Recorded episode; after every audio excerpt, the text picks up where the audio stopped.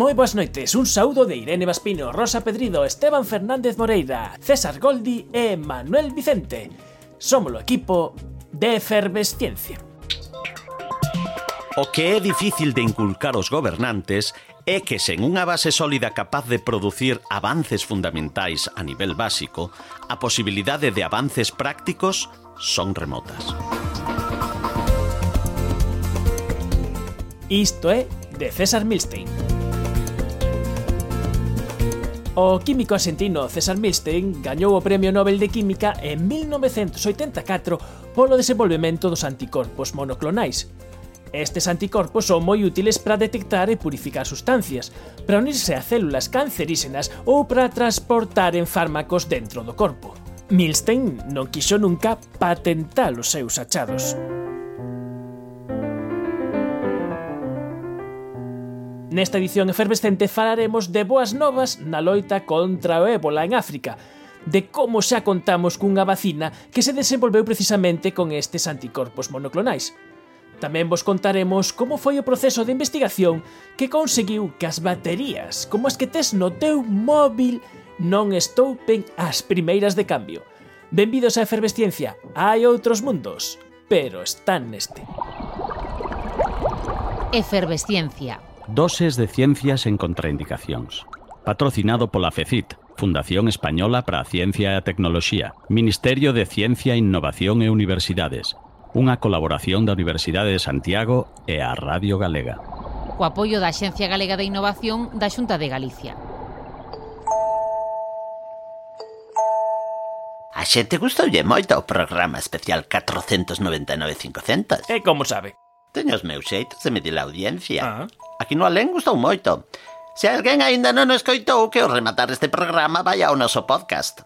Ainda que para contar todo hai que dicir que Pepe Rodríguez anda un pouco mosca polas bromas que fixemos co seu nome. Home, non será para tanto, só dicíamos que era un nome moi moi común.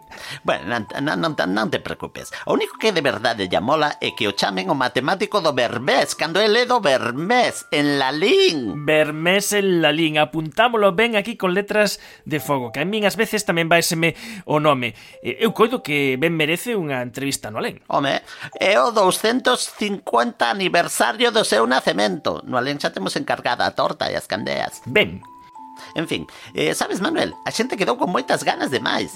A mellor ciencia de 2019 co equipo de colaboradores Nancho Munilla, Esteban Fernández Morreira, Rosa Pedrido, Irene Vaspino, Martín Pauli, Castro Ribadulla, Dosi Veiga, un póker de ases.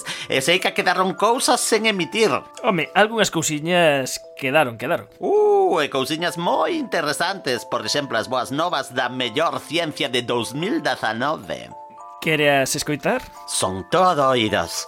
Pois aí vos vai o inédito do programa especial 500 desde o Paraninfo da Universidade de Santiago con música ao vivo nas mans, nas teclas do piano de Juanjo Fernández para contarvos a mellor ciencia dos últimos 365 días e tamén a ciencia que está por vir. Dalle!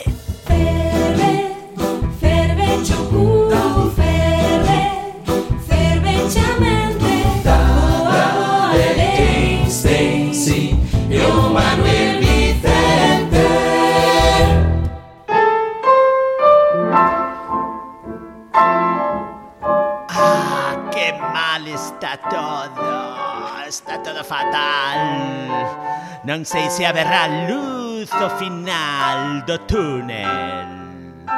Pois sí, retomamos a nosa lista dos top 10 da ciencia en 2019 Agora sí que veñen as boas novas de verdade. Entramos no eido da saúde. Comezamos cun novo tratamento para a fibrose quística. Unha doenza xenética que era degenerativa eh, a, da que non tiñamos nada que facer ningún tratamento, Rosa. Pois non tiñamos Rosa, nada, seguimos coa tendencia quizáis que temos agora mesmo de que moitas enfermidades que resultaban mortais se están a, a convertir en case que crónicas, pois a finais do ano pasado eh, aprobouse eh, un novo tratamento que efectivo contra pois o, en torno ao 90% dos casos de eh, fibrose eh, quística. Este novo medicamento en realidade é a combinación de, de tres eh, fármacos, o, o que lle puxeron un nome así un pouco sofisticado sofisticado como Trifacta e que eh, é capaz de correxir os efectos das mutacións máis comuns eh, que, eh, que producen esta, esta enfermidade. É unha realmente unha noticia relevante porque eh, pois pola gran prevalencia que ten que ten a, a fibrose quística e que se pode chegar a convertir eh, pois nunha enfermidade case que crónica. Pero hai, un problema. Hai un problema, hai un quizáis, problema non pequeno. Eh, pequeno, o primeiro lugar é, é quizáis a, a, a idade na que se pode empezar a administrar este tratamento que dos 12 anos en adiante, pois aí queda un, un, un corpo da, po, da poboación sin cubrir e E como sempre pasa con moitos medicamentos, outro problema é o custe. Estímase que o custe do tratamento con, este novo medicamento é en torno aos 300.000 dólares o ano e un tratamento de por vida. Entonces queda aí aberta eh, pois o, o debate eh, si, si, por exemplo, a sanidade pública debe financiar ou non este tipo de, de tratamentos. Ou de buscar mecanismos eh, para que se poidan compensar eh, o, o traballo farmacéutico, pero uns prezos eh, razoables, razoables e sostibles e que non boten abaixo todo o sistema público, que seguro que hai forma de, cons de conseguilo. Mm, Isto é unha, unha guerra moi moi habitual co, co descubrimento de, de novos fármacos e claro, hai que entender tamén o punto de vista das farmacéuticas que invisten unha grande cantidade de cartos eh, pois na, na, na, na busca de, de novos medicamentos. Pero sí, tamén é certo que isto se debe realmente estender a, a toda a poboación na medida no que sexa posible. Pois unha moi boa nova que eh, este medicamento que está empeza a cambiar a vida da xente con fibrose quística. Isto merece outra outra boa repichoca. Es una barbaridad, es una brutalidad, es una bestialidad, una bestialidad.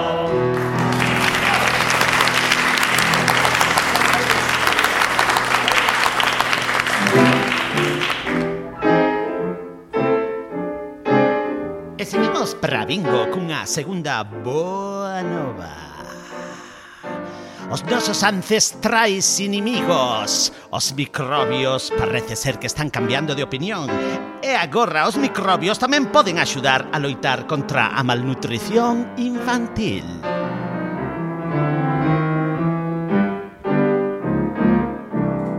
Eh, bueno, temos o noso lado agora aquí, o noso carón, o noso microbiólogo de cabeceira. Esta, Esteban, sabes que é eh, para ti. Sí, isto é unha boa noticia porque é ciencia que eh, busca atallar e eh, busca solventar problemas dos desfavorecidos. Non? Falabades antes de, da fibrosis quística, é unha enfermidade que afecta a un de cada 25.000 nenos, pero claro, normalmente é unha enfermidade que afecta sobre todo a nenos caucásicos, non? a nenos de Europa ou de América. Pero hai outros moitos nenos que están a morrer e son os nenos que morren de, de, de fame non? en, en sitios, sobre todo do Sahel, sitios onde están expostos a condicións climáticas cambiantes. Estes nenos, eh, cando estaban eh, moi maliños, se lles daba pois un, un combinado de arroz con, con leite, un leite en pó e, e arroz.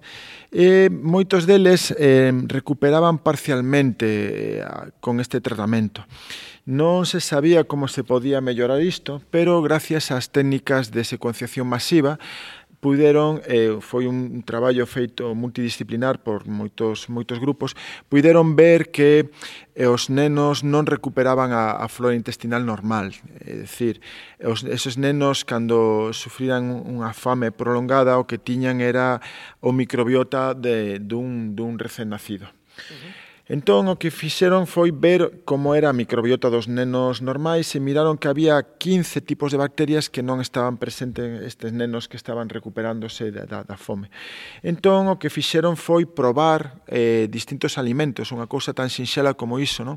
E o que miraron foi que, que a base de garbanzos, plátanos, soja e eh, eh, fariña de cacahuete eh, esos catro alimentos combinados co, co leite co O eh, importante co arroz, dos legumes. E o importante dos legumes que eses nenos recuperaban esas 15 eh, tipos de bacterias esenciais e o seu logo cando isto probaron primeiro en ratos, primeiro en, en outros animais e cando levaron ao campo miraron que si sí, a recuperación era era era completa, era moi moi exitosa.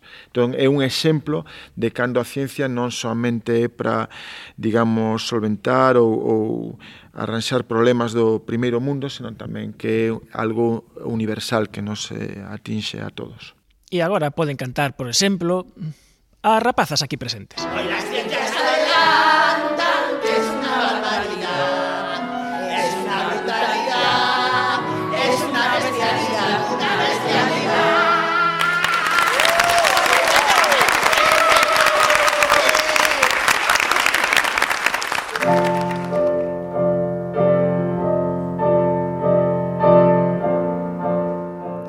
que o ébola segue a matar xente en África xa non é portada nos xornais. Pero no noso top 10 Este ano albiscamos unha raiola de esperanza para os doentes Unha boa nova Unha nova excelente Sí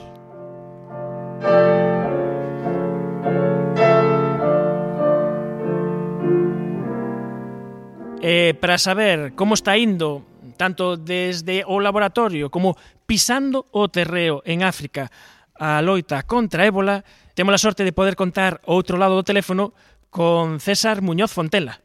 Boas noites, César, e feliz ano. Hola, muy, hola, buenas noches, feliz año a ti y a, y a todos los, los, oyentes de Efervesciencia. César Muñoz Fontenla eh, traballa no Instituto Bernard Nog de Medicina Tropical en Hamburgo.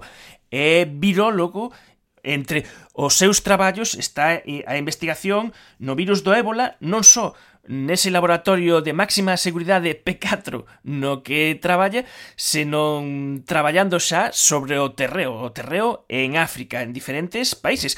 Eh, con César Muñoz temos falado eh, varias veces e moitas veces que te eh, collemos estás facendo as maletas para ir a África. Bueno, como foi este 2019? Estiveches moito por África? Estiveches no laboratorio?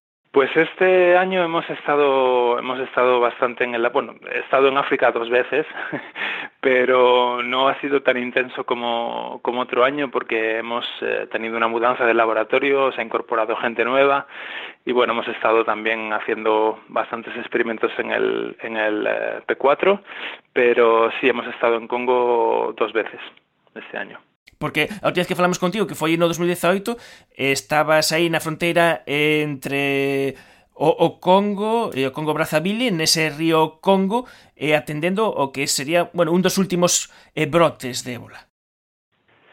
Sí, en ese momento estaba, bueno, estaba empezando y habíamos eh, hicimos una, una, misión de entrenamiento para montar un laboratorio en, la frontera entre los dos países y para prevenir un poco que la posible la posible entrada de, en Congo Brazzaville del, del ébola pero fíjate desde entonces llevamos un año más de un año con la epidemia y no se ha no se ha terminado desafortunadamente todavía. eh, sigue habendo, inda que non sea eh, primeira nova nas portadas dos eh, telexornais, eh, sigue habendo este, estes brotes de, de ébola en África.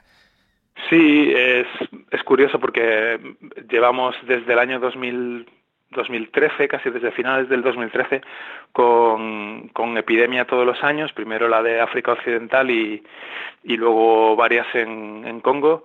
Y bueno, como comentas, es verdad que a la de África Occidental se le dio mucha mucha publicidad y a esta un poco menos, porque pero bueno pero pero son más de más de 3000 casos en el eh, casi 3000 casos. Y bueno pues que no no es no, no somos capaces de pararla eh, desde hace desde hace un año no o sea que es bastante bastante serio. Además me parece que hablamos ya la última vez que está en una zona de, de eh, bastante conflicto. En zona de, peligrosa de, guerra y bueno pues también es muy difícil para los, los cooperantes entrar. Hemos tenido, desgraciadamente, incluso eh, casos de compañeros que han sido que han sido asesinados allí. O sea, y, bueno, pues es bastante bastante complicado, la verdad. Eh, un traballo que é sobre o terreo que faise moi difícil eh, pola situación dos países involucrados e pola situación de violencia. O que sí tamén é certo é que se ollamos a nivel terapéutico vemos que están aparecendo novas armas. Eh, falábamos xa da, daquela eh, que había unha vacina que se probara eh, en anéis eh, que se vía que tiña efectividade e que mm, no, deixabas a pregunta no aire dicindo, bueno, mm, parece que temos a vacina, a ver agora quen a produce.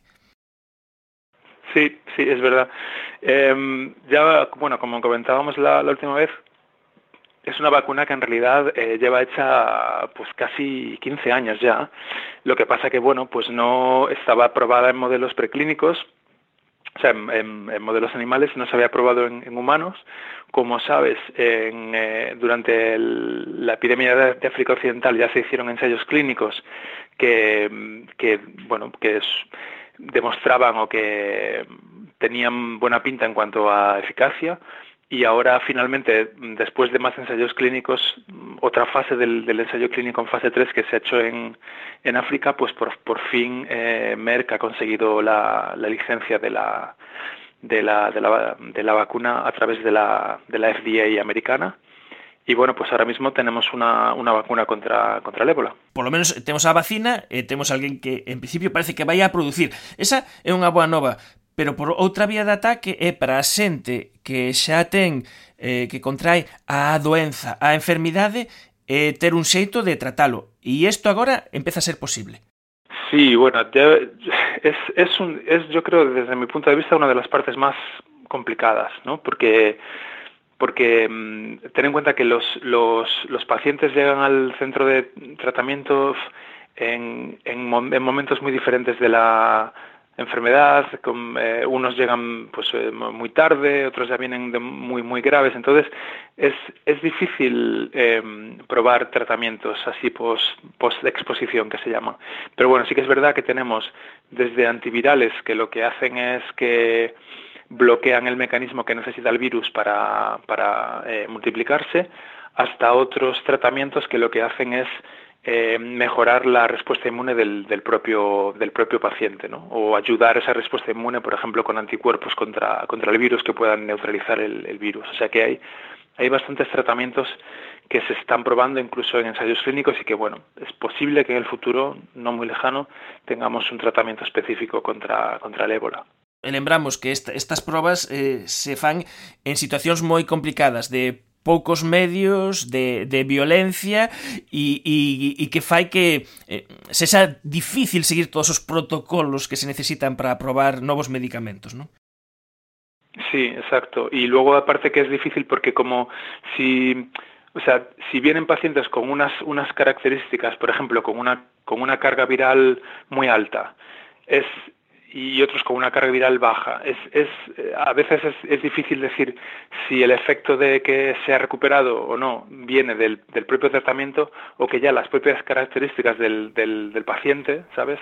Uh -huh. Le hacían que, bueno, que uno tiene más posibilidades de sobrevivir que, que el otro. Entonces, eh, y luego es muy difícil decir, bueno, voy a hacer un ensayo clínico en el que a uno le voy a dar la, la droga y a otro le voy a dar un placebo, ¿no? Porque es una situación de emergencia en la que en la que lo que lo que quieres éticamente evidentemente es que se recupere todo todo el mundo. Entonces eso hace que también sea difícil eh, como el evaluar los resultados, sabes, de un, de un posible tratamento.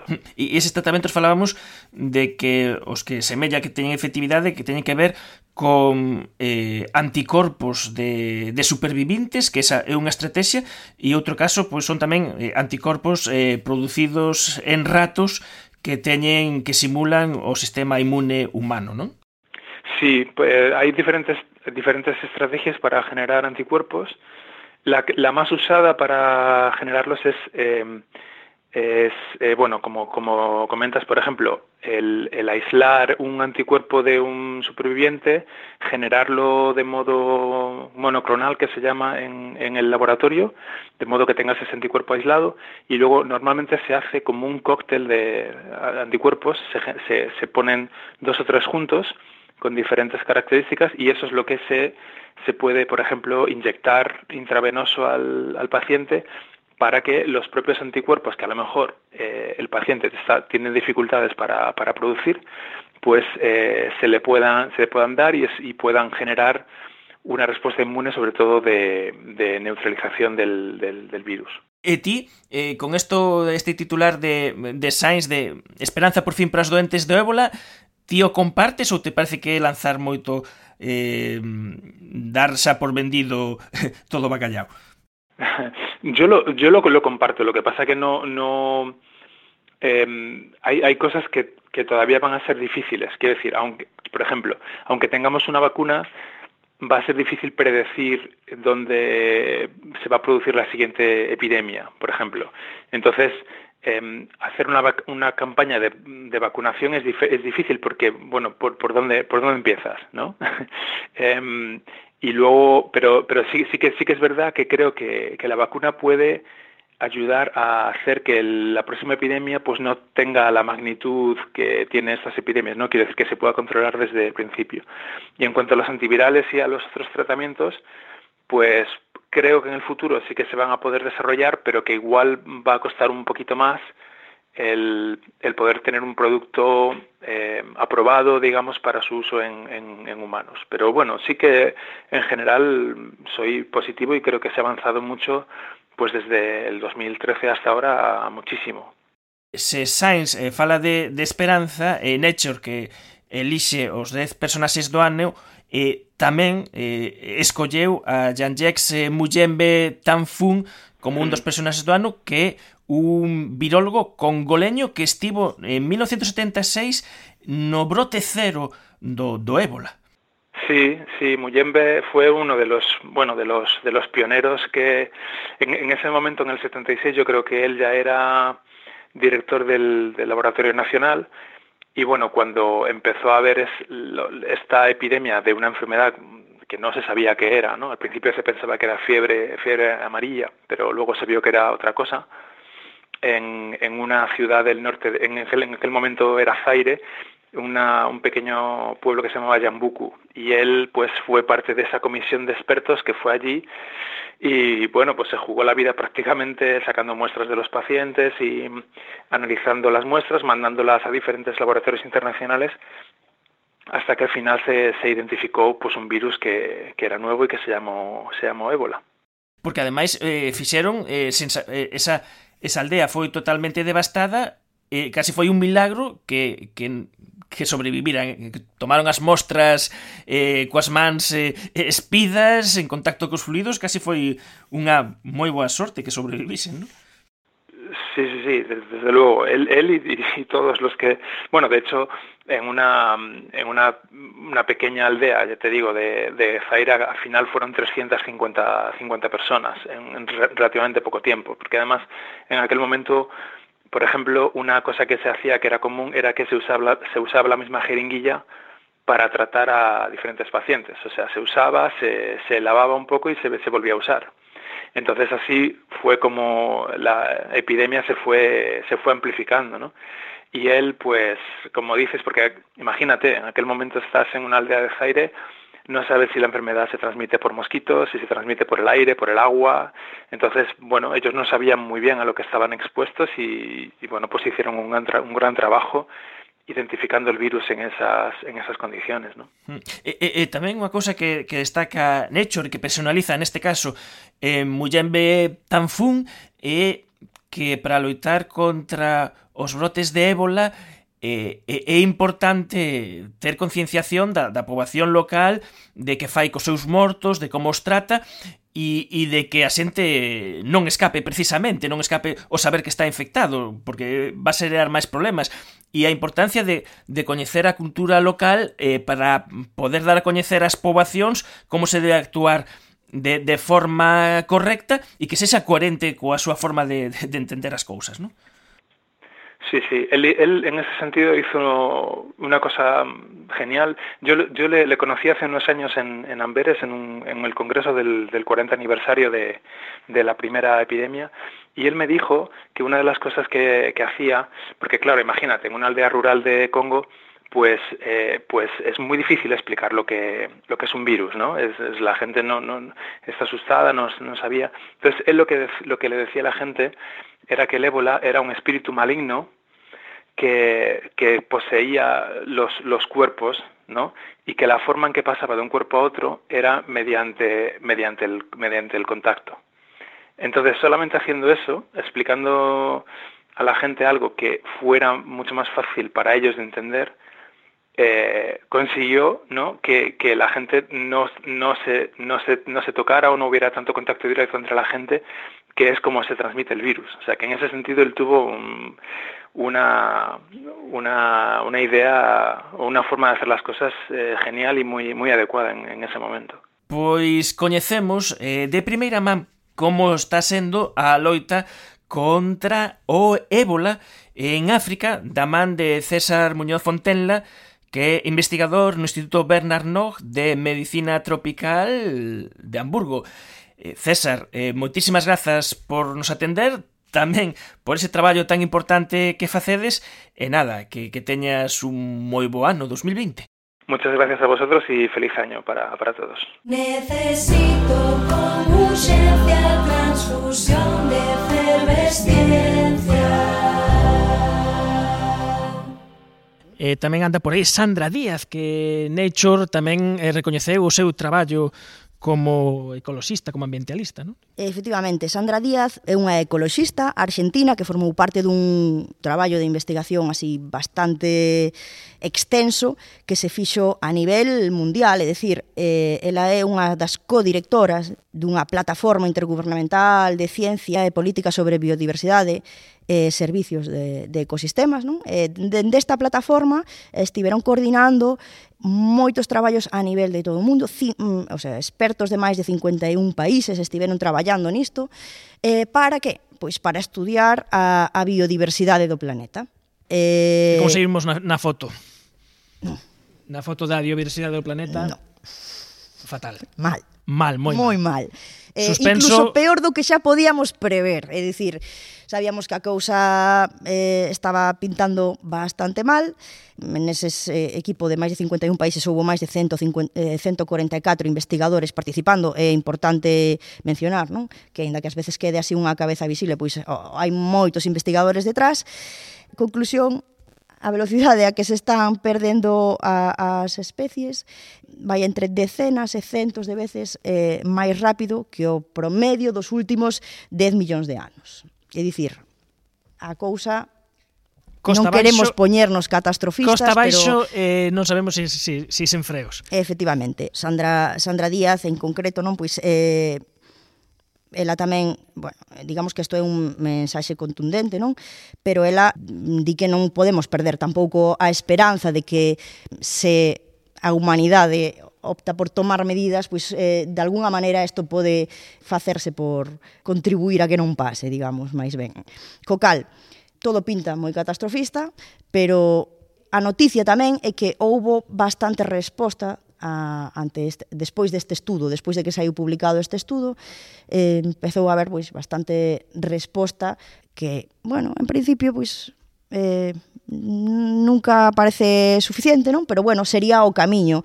Eles alertan eh, de que moitas medidas deberían de ser tomadas inminentemente para eh, frear eh, esta perda de especies. Este ano que se nos foi, o 2019, Rosa foi un ano especial para a comunidade química. Sí, bueno, eu creo que para a comunidade química e para toda a comunidade científica, este ano a UNESCO eh, o, o 2019 foi eh, nomeado Ano Internacional da Taboa Periódica, en conmemoración pois, eh, pois da creación da Taboa Periódica por Dimitri Mendeleev.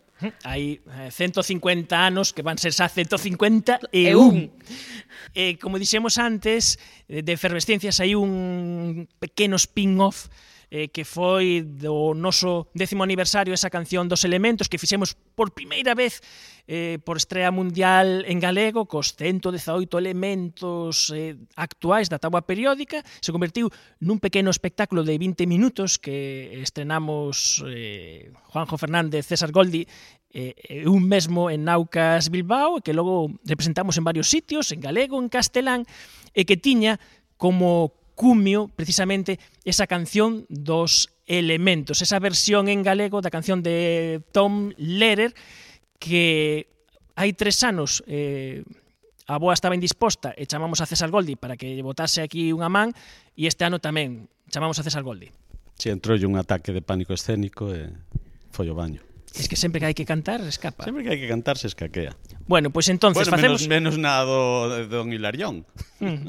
Bueno, eso saberemos. Entonces vas, imos facer esa versión galega eh, para despedir este ano que rematou 2019 da mm, um, Táboa dos Elementos cos 118 elementos remasterizado. Música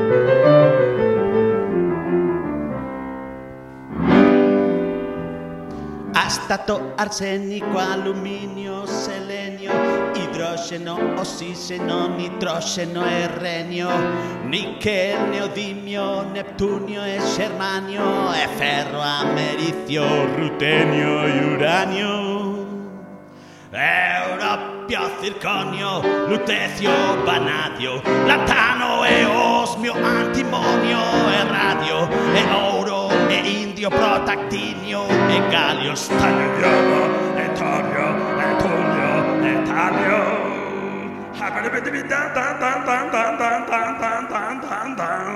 La la la la la la la la la. Itrio, iterbio, actinio, rubivio, boro, gadolinio, niobio e iridio, estroncio e silicio, e plata e samario, helio, bromo, litio, berilio e tamén bario. La la la la la la la la la la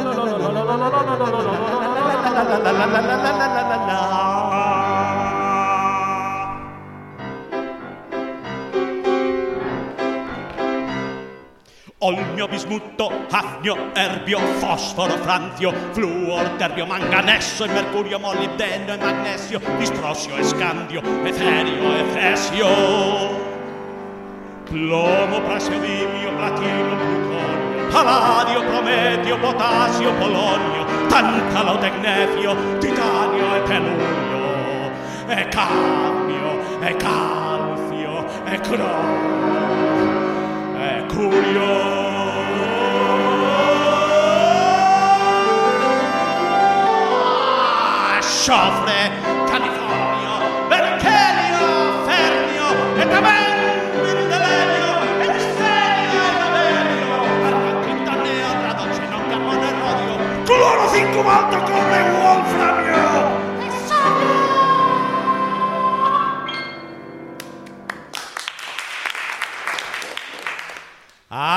actualización.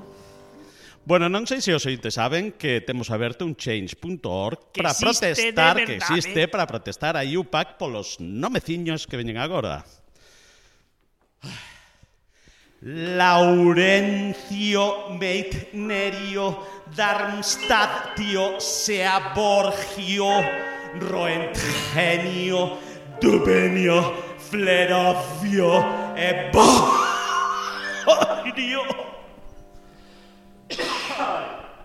Copernicio, Livermorio, Jasio, Rutherfordio, Teneso y Vanesón, Moscovio, Elifonio, muy sinceros de aprender con este recompilatorio. La la la la la la la la la la la la la la la la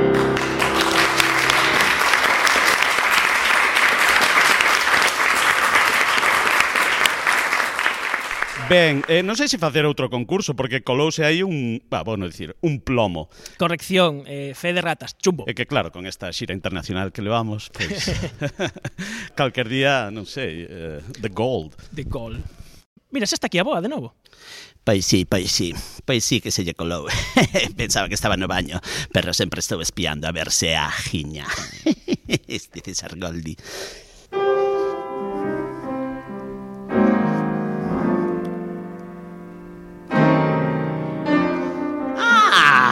Por fin estamos chegando á recta final do top 10. E xa só quedan De cantos quedan? Dous, dous, dous. E xa só quedan dous achados. Neste caso é o momento dos homes. Pero non deses homes que chegan Tamén este Nadal en forma de agasallo nos perfumes internacionais Senón os homes de Denisova que volven a entrar no top 10 Homes e mulleras, homes e mulleres de Denisova eh, Unha especie un tanto fantasma que habitou Asia eh, no século, bueno, no século, nos anos, hai 50.000 anos digo no século. No século, hai moitos séculos, hai 50.000 anos eh, unha especie da que só tiñamos unhas pequenos restos óseos os que se puidan facer as probas da ADN. Estos saíron nos achados dos anos eh, dos, nos achados do ano de Sainz como unha chea de veces, sempre facendo unha cousa máis, primeiro que se descubren, logo que descubrimos que estaban hibridados con algúns eh, sapiens australianos e por aí, xentes de por alá, logo que tamén estaban eh, hibridados cos nerdentais, pero non se atopan máis restos óseos, o sea, sabemos o seu perfil xenético, pero non temos, pois, non sabíamos ata este ano que pinta tiñan. Eh, sabémolo porque agora hai unhas novas eh, tecnoloxías que permiten eh, tirar moitísima información precisamente destes datos genéticos e se fixo unha reconstrucción de como sería o esquema corporal dos, do home de Denisova e como sería eh, o seu cabezón e todas estas cousas e todo eh, quitando pois un chisquiño de ADN que se pudo quitar eh, duns osos que tiñan por aí, pero o curioso é que para comprobar que isto funciona, resulta que había unha mandíbula eh, perdida atopada eh, no Tíbet e que non se sabía de que era, que atoparon uns monses tibetanos que pasou de monse en monse hasta que chegou os científicos a, re, a, a volveron a estudiar e se deron conta de que, home, pois o mellor é do home de Denisova. E lle fixeron as probas e parece ser que sí.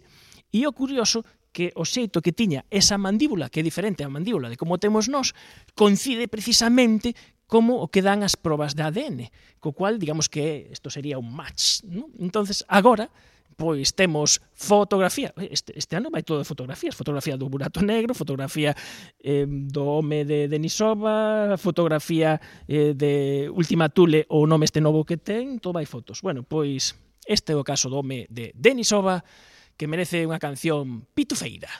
Una una una.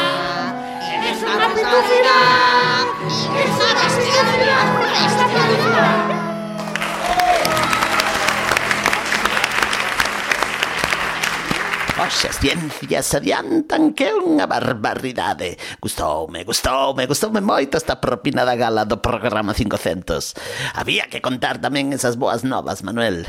Ui, que me estou a quedar sen batería no teletransporte. Ah, gran invento este das baterías.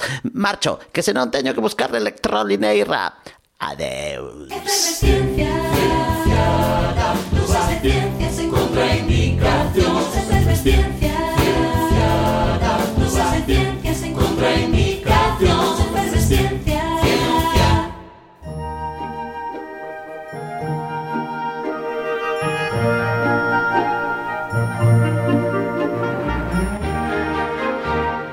Royal Swedish Academy of Sciences has today A Real decided Academia Sueca de Ciencias vende decidir hoxe outorgar o Premio Nobel 2019 Química consuntamente a to John B. Goodenough, M. Stanley Whittingham, and Akira Yoshino for the development of lithium polo desenvolvemento das baterías de ión de litio.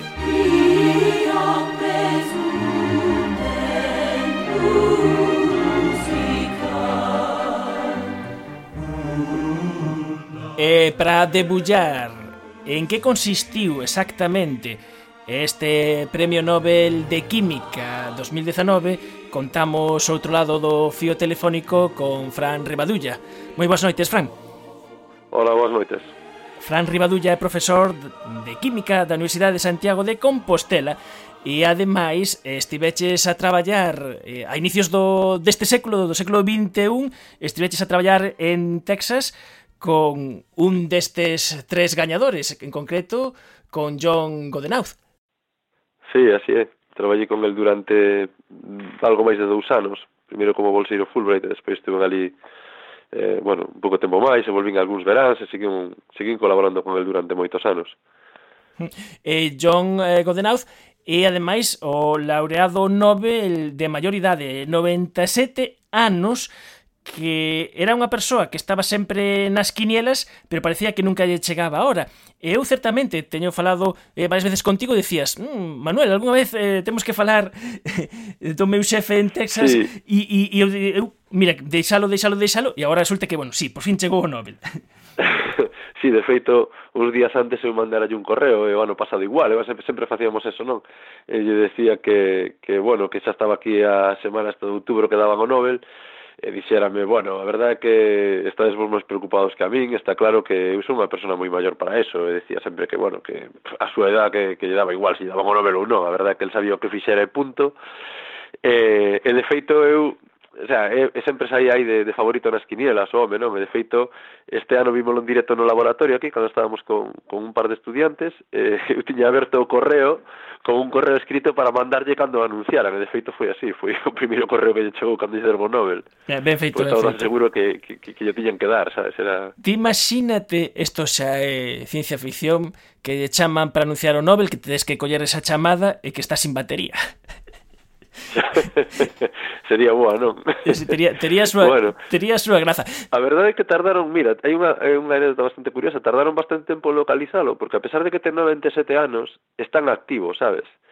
Entonces, eh, él estaba en Londres ese día, non estaba en Estados Unidos, estaba recollendo a medalla Copley que lle daba a Royal Society. E a medalla Copley é a, é a medalla científica máis antigua que se dá no mundo. Ten a Newton, Einstein e xente así. E entonces, bueno, ten a medalla Copley e a medalla e o, e o premio Nobel, sabes, que non está nada mal. E non está nada mal e en parte nos lle debemos de que teñamos eh, o seu achado en todos os nosos petos, que son esas baterías que agora son de, de ión de, de litio. E, ademais, sí. podemos explicar un pouquiño por que este achado, que é moi práctico, por que si merece un premio Nobel? Home, é unha das cousas que, que podemos decir é un des descubrimentos científicos que podemos decir que nos cambiou a vida. E ademais, a mí sempre me gusta diferenciar entre o que é un invento e o que é un descubrimento científico. Aquí hai dúas cousas. O invento, digamos, sería a parte enxeñeril, non? Vistes que, que hai eh, tres, eh, tres premiados este ano, que son Whittingham, eh, Goodenough e o xaponés que nunca me acordo do seu nome. Akira Yoshino. Eh, Yoshino, Yoshino, eso, Akira Yoshino. Eh, eh, podemos decir que Whittingham e eh, Goodenough fixeron a parte máis científica e eh, Yoshino foi o que despois integrou todo eso nun dispositivo práctico. Foi o que demostrou por primeira vez a utilidade práctica dunha, dunha batería de alta capacidade, combinando os, os gatos dos de, de litio cobalto con anodos de carbono, eso. Pero o que, o que fixeron, o que fixo Goodenough foi eh, vamos, eh, unha auténtica revolución que supuxeron as baterías de litio.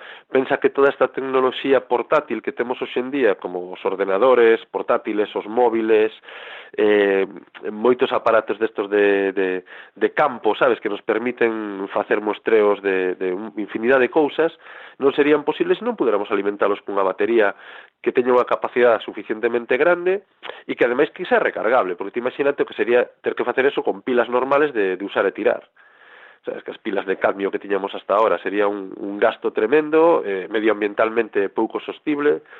Eh, Gudino foi unha persona sempre, ademais, que estuvo moi moi preocupada polo, polo impacto medioambiental da súa investigación.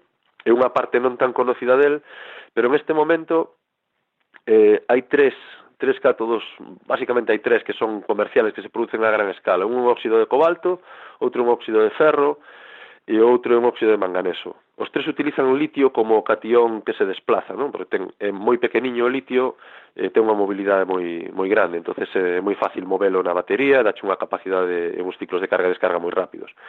Pero esas tres eses tres materiales son patente de Gudinov. E o interés de Gudinov por seguir investigando en eso foi porque eh, el sabía que o cobalto era un material que a, a minería de cobalto e os, e os, os minerais de cobalto non son medioambientalmente sostibles e amigables, sabes? Entón, el sigo investigando e patentou unha, unha batería cun fosfolibino, un fosfato de ferro e litio. E despois ten outra dun óxido de manganeso, que son sistemas moitísimo máis sostibles e máis máis eso, máis amigables co medio ambiente, sabes? E, e ademais eh, eh sei que, que, que eh, o amigo sigue traballando arreo, mellor non con tanta sí. intensidade e, e, e esta non sei se nunha das súas arelas se, bueno, ver esa dependencia tamén que temos agora co litio Sí, é verdad que intentáronse facer baterías con outros con outros cationes, sabes, por exemplo, sodio, potasio, pero pero as mobilidades que teñen son moito peores. Entón, eu creo que do litio eh, ir máis alá do litio librarnos do litio nas baterías vai supoñer un cambio de paradigma como que supuxo pasar dunha, dunha batería química normal destas de cadmio, das que temos unha pila alcalina, por exemplo, a pasar a unha batería de litio. Eso foi un cambio de, na forma de pensar, na forma de construir, a, a, a, de diseñar a batería. Son, son sistemas que almacenan e, e nos entregan enerxía cando nos ya pedimos para que fagan un traballo, pero conceptualmente son sistemas moi distintos. Eu creo que librarnos do litio vai a supoñer outro paso así.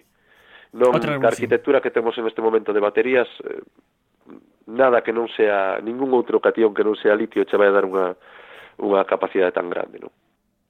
O que curioso é que, inda que todos temos eh, baterías de ion de litio nos nosos móviles, eh, algunhas son de polímero, pero ás veces vamos mercar os teléfonos e nos dan instruccións como se fosen unha batería das, das de cadmio ou as de hidruro metálico, nos din a primeira vez hai que eh, recargalo moito tempo para que non se estropee, e isto nas de litio xa está superado, o sea que, que vai máis rápida a tecnoloxía dos sí. usos que lle facemos. Sí, sí, eso é verdade, o sea, a, a cantidade hai moita moita mm, tecnoloxía nunha batería de litio eh, teñamos en conta que, ainda que o cátodo este que se utiliza, pois eh, hai tres ou catro cátodos, pois os ánodos non, os electrolitos, é dicir, o, o medio no que viaxan os ións de litio, que poden ser líquidos iónicos, polímeros, xeles, é dicir, hai un montón de, de, de medios distintos nos que podemos eh, poñer o noso ánodo e o noso cátodo, eh, as formas de contactalas, a distancia entre eles, é dicir, hai unha tecnoloxía tremenda que nos pode facer que a batería funcione mellor, se cargue máis rápido, se descargue de unha forma máis homoxénea. A tecnoloxía vai a unha velocidade nesto, a verdade é que increíble. E moitas veces incluso por exemplo, nos, nos iPhone, non? Cada vez que sacan un modelo novo, pois a batería sufre unha evolución eh, e se collemos unha lista de móviles e vemos as capacidades das baterías que che din eh, que che dan eses móviles, pois daste conta, compara compáralas cas do ano pasado e ves que en algúns casos aumentou un 20%, un 30%, sabes? E non hai moitas tecnoloxías donde podas decir que eso, que, que a volta de 5 anos se duplica o rendimento de, de, de un dispositivo, sabes? A verdade é que é sorprendente, o que se está facendo das baterías é sorprendente.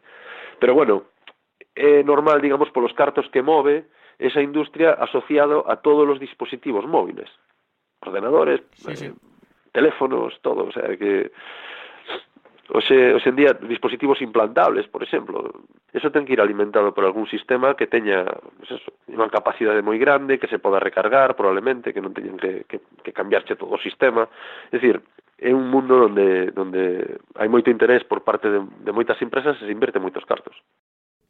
Eu lendo, lendo a historia esta do, do descubrimento da, das baterías de, de litio eh, Nada, estive vendo a historia de, de Whittingham que el eh, empezou a traballar e traballaba para Exxon porque, bueno, viran como alternativa para para, para os coches buscar unhas alternativas para, para o petróleo e entonces eh, ficharon a, a xente moi boa que, que fixo estes, estes traballos pioneiros pero logo cando volveu a caer eh, o precio do, do petróleo pois se esqueceron e ademais hai que lembrar que estes primeiros modelos estoupaban, que era un, sí. era un peligro bastante gordo. Sí, é verdade, había un problema porque Ese, ese de feito foi unha das contribucións moi importantes que fixo Gudinov, non? Porque é verdad que o primeiro Gudinov traballaba en conductores iónicos ou NASICOM, este sodium superionic conductor. Eh, en ese momento, eh, Whittingham, que traballaba en Exxon, eh, patentar un modelo dunha batería recargable de litio que era un, un composto, un, un, un sulfuro dun metal de transición, que é un composto bidimensional, parecido ao grafito, forma láminas de, de, de sulfuro, dun sulfuro metálico, e o que facían era intercalar litio aí. Pero claro, como contraelectrodo levaba un, un pouco, o sea, un cacho unha, de, de, de litio metálico. E o litio metálico pois é moi reactivo en contacto coa humidade, pois estoupa, se se forman dendritas entre o ano de o cátodo, pois se facer un cortocircuito estoupa, é dicir, tiña problemas de tiña problemas serios de, de, de estabilidade e ademais a capacidade que conseguían era moi pequena. Era un primeiro paso, estaba moi interesante, pero unha capacidade pequena. O que a visión que tuvo Gudinov, de todos os anos que xa levaba el traballando en, en óxido sobre todo, foi darse conta de que tiñan un problema de que non que vean poder aumentar a capacidade da batería, se non disminuían a covalencia do enlace eh, típica do sulfuro. E para iso o que fixo foi subir un elemento na tala periódica. E dixo, bueno, pois se isto ten unha, unha hibridación moi forte co, co metal de transición, vámonos unha, unha capa para arriba e o, o enlace vai ser moito máis iónico. Sei o que aprende calquer estudiante de química inorgánica, non? entonces o que dixo, pois, que está encima de, do azufre? Pois o oxígeno, pois vamos facer un óxido. Fixo un óxido cunha estrutura laminar, pero ademais el tuvo a, a visión de decir, vale, coñecía estes óxidos que se chamaban de lafositas, e dixo, vou facer un óxido de cobalto, pero que xa teña litio de forma natural para estabilizar a estructura. E iso vaime a permitir librarme do ánodo de litio metálico, co cal mato dous páxaros dun tiro. Por unha parte, non necesito litio, máis que litio ión litio máis, que non ten ese problema de reactividade porque xa está oxidado, entón librome dos problemas de explosión da batería e todo eso, e aparte aumento a capacidade porque disminuyo moito a covalencia do enlace. Entonces, pasaron de ter baterías cunha capacidade pois, de menos de 2 voltios a unha batería con capacidade de 4 voltios, e que por encima non estoupaba, e que non era peligrosa, e eso foi o boom, eso foi o desarrollo do, do, da tecnoloxía. Foi unha tecnoloxía que era máis que nada, pois bueno, non se lle prestara moita atención, porque nin che daba moita capacidade e ademais era perigosa, pois este home de repente dixo, no, mira, a capacidade vamos a doblar, e aparte eh, non, é, non é perigosa, sabes? de segura. Mm, no, gustou, gustoume eso e ademais non estoupaba que, que está ben, que é algo que se agradece. A mí tamén gustoume, isto xa non sei se quen quen tivo a idea ou xa se foi na parte comercial xa con Yosino, no que eh, empezaban a vender as primeiras baterías e as vendían cargadas, hasta que se deron conta de que era mellor vendelas descargadas sí, e que esa, cada un logo as cargase na súa casa. Esa, esa, esa idea tamén foi de Gudinov. Ah, eh, eh, de fe, sí, esa idea tamén foi de Goodenough. De feito, eso tiñan un problema inxeñeril, non, con eso a veces e tal, e perdían parte da capacidade e tal. Eh, e Goodenough sempre conta como en unha reunión con, con xente de Hidroquebec, que foi unha compañía das primeiras que empezou a explotar, a, a explotar comercialmente estas baterías, que dixo, bueno, por que non as faces descargadas? e dixo, tipo, bueno, porque isto, pois, eu que sei, isto ten que estar cargado para que, pois non sei. Así pouco serio, non? Dixo, bueno, dixo, a verdad que lle sorprendeu que que dixo que nadie se planteara que se tiñan un problema con que as baterías se vendían cargadas, pois pues, vendedas descargadas. Empezades o ciclo con un ciclo de carga eh, empezaron a facelo así. Despois, eh, Yoshino, cando, cando fixo as primeiras baterías, eh, xa, digamos que con ganados de grafito, comerciales, xa para poñerlo nun dispositivo, porque claro, unha cousa é ter o material, é facer en, en, en, digamos, en condicións controladas nun laboratorio un ciclo de carga-descarga. Outra cousa é facer unha batería con todos os contactos que ti ya podes meter a un dispositivo e que esa batería sea estable durante horas, funciona o dispositivo, non che varía a capacidade. Aí hai moita enxeñería detrás, non? E aí Yoshino tuvo un, un papel moi moi destacado. E el tamén empezou a facer as baterías así, descargadas, sabes? Vendidas así. Pois esta historia de como chegamos a ter nos nosos petos estas fantásticas baterías de ión de litio que nos permiten facer eh, unha chea de cousas e nos permiten, bueno, pues, estar conectados, entre outras cousas, en todo momento. Non lo explicou eh, Fran Ribadulla, investigador no CICUS na Universidade de Santiago. Eh, Fran, moitas grazas por nos atender unha vez máis. Gracias a ti, Manuel. Efervesciencia. Patrocinado pola FECIT, Fundación Española para a Ciencia e a Tecnoloxía, Ministerio de Ciencia, Innovación e Universidades. Unha colaboración da Universidade de Santiago e a Radio Galega. Co apoio da Axencia Galega de Innovación da Xunta de Galicia. Nesta edición efervescente puidemos coñecer algúns heróis locais, algúns heróis da ciencia e escoitámonos o vindeiro mércores ás 24 horas na Radio Galega. Adeus.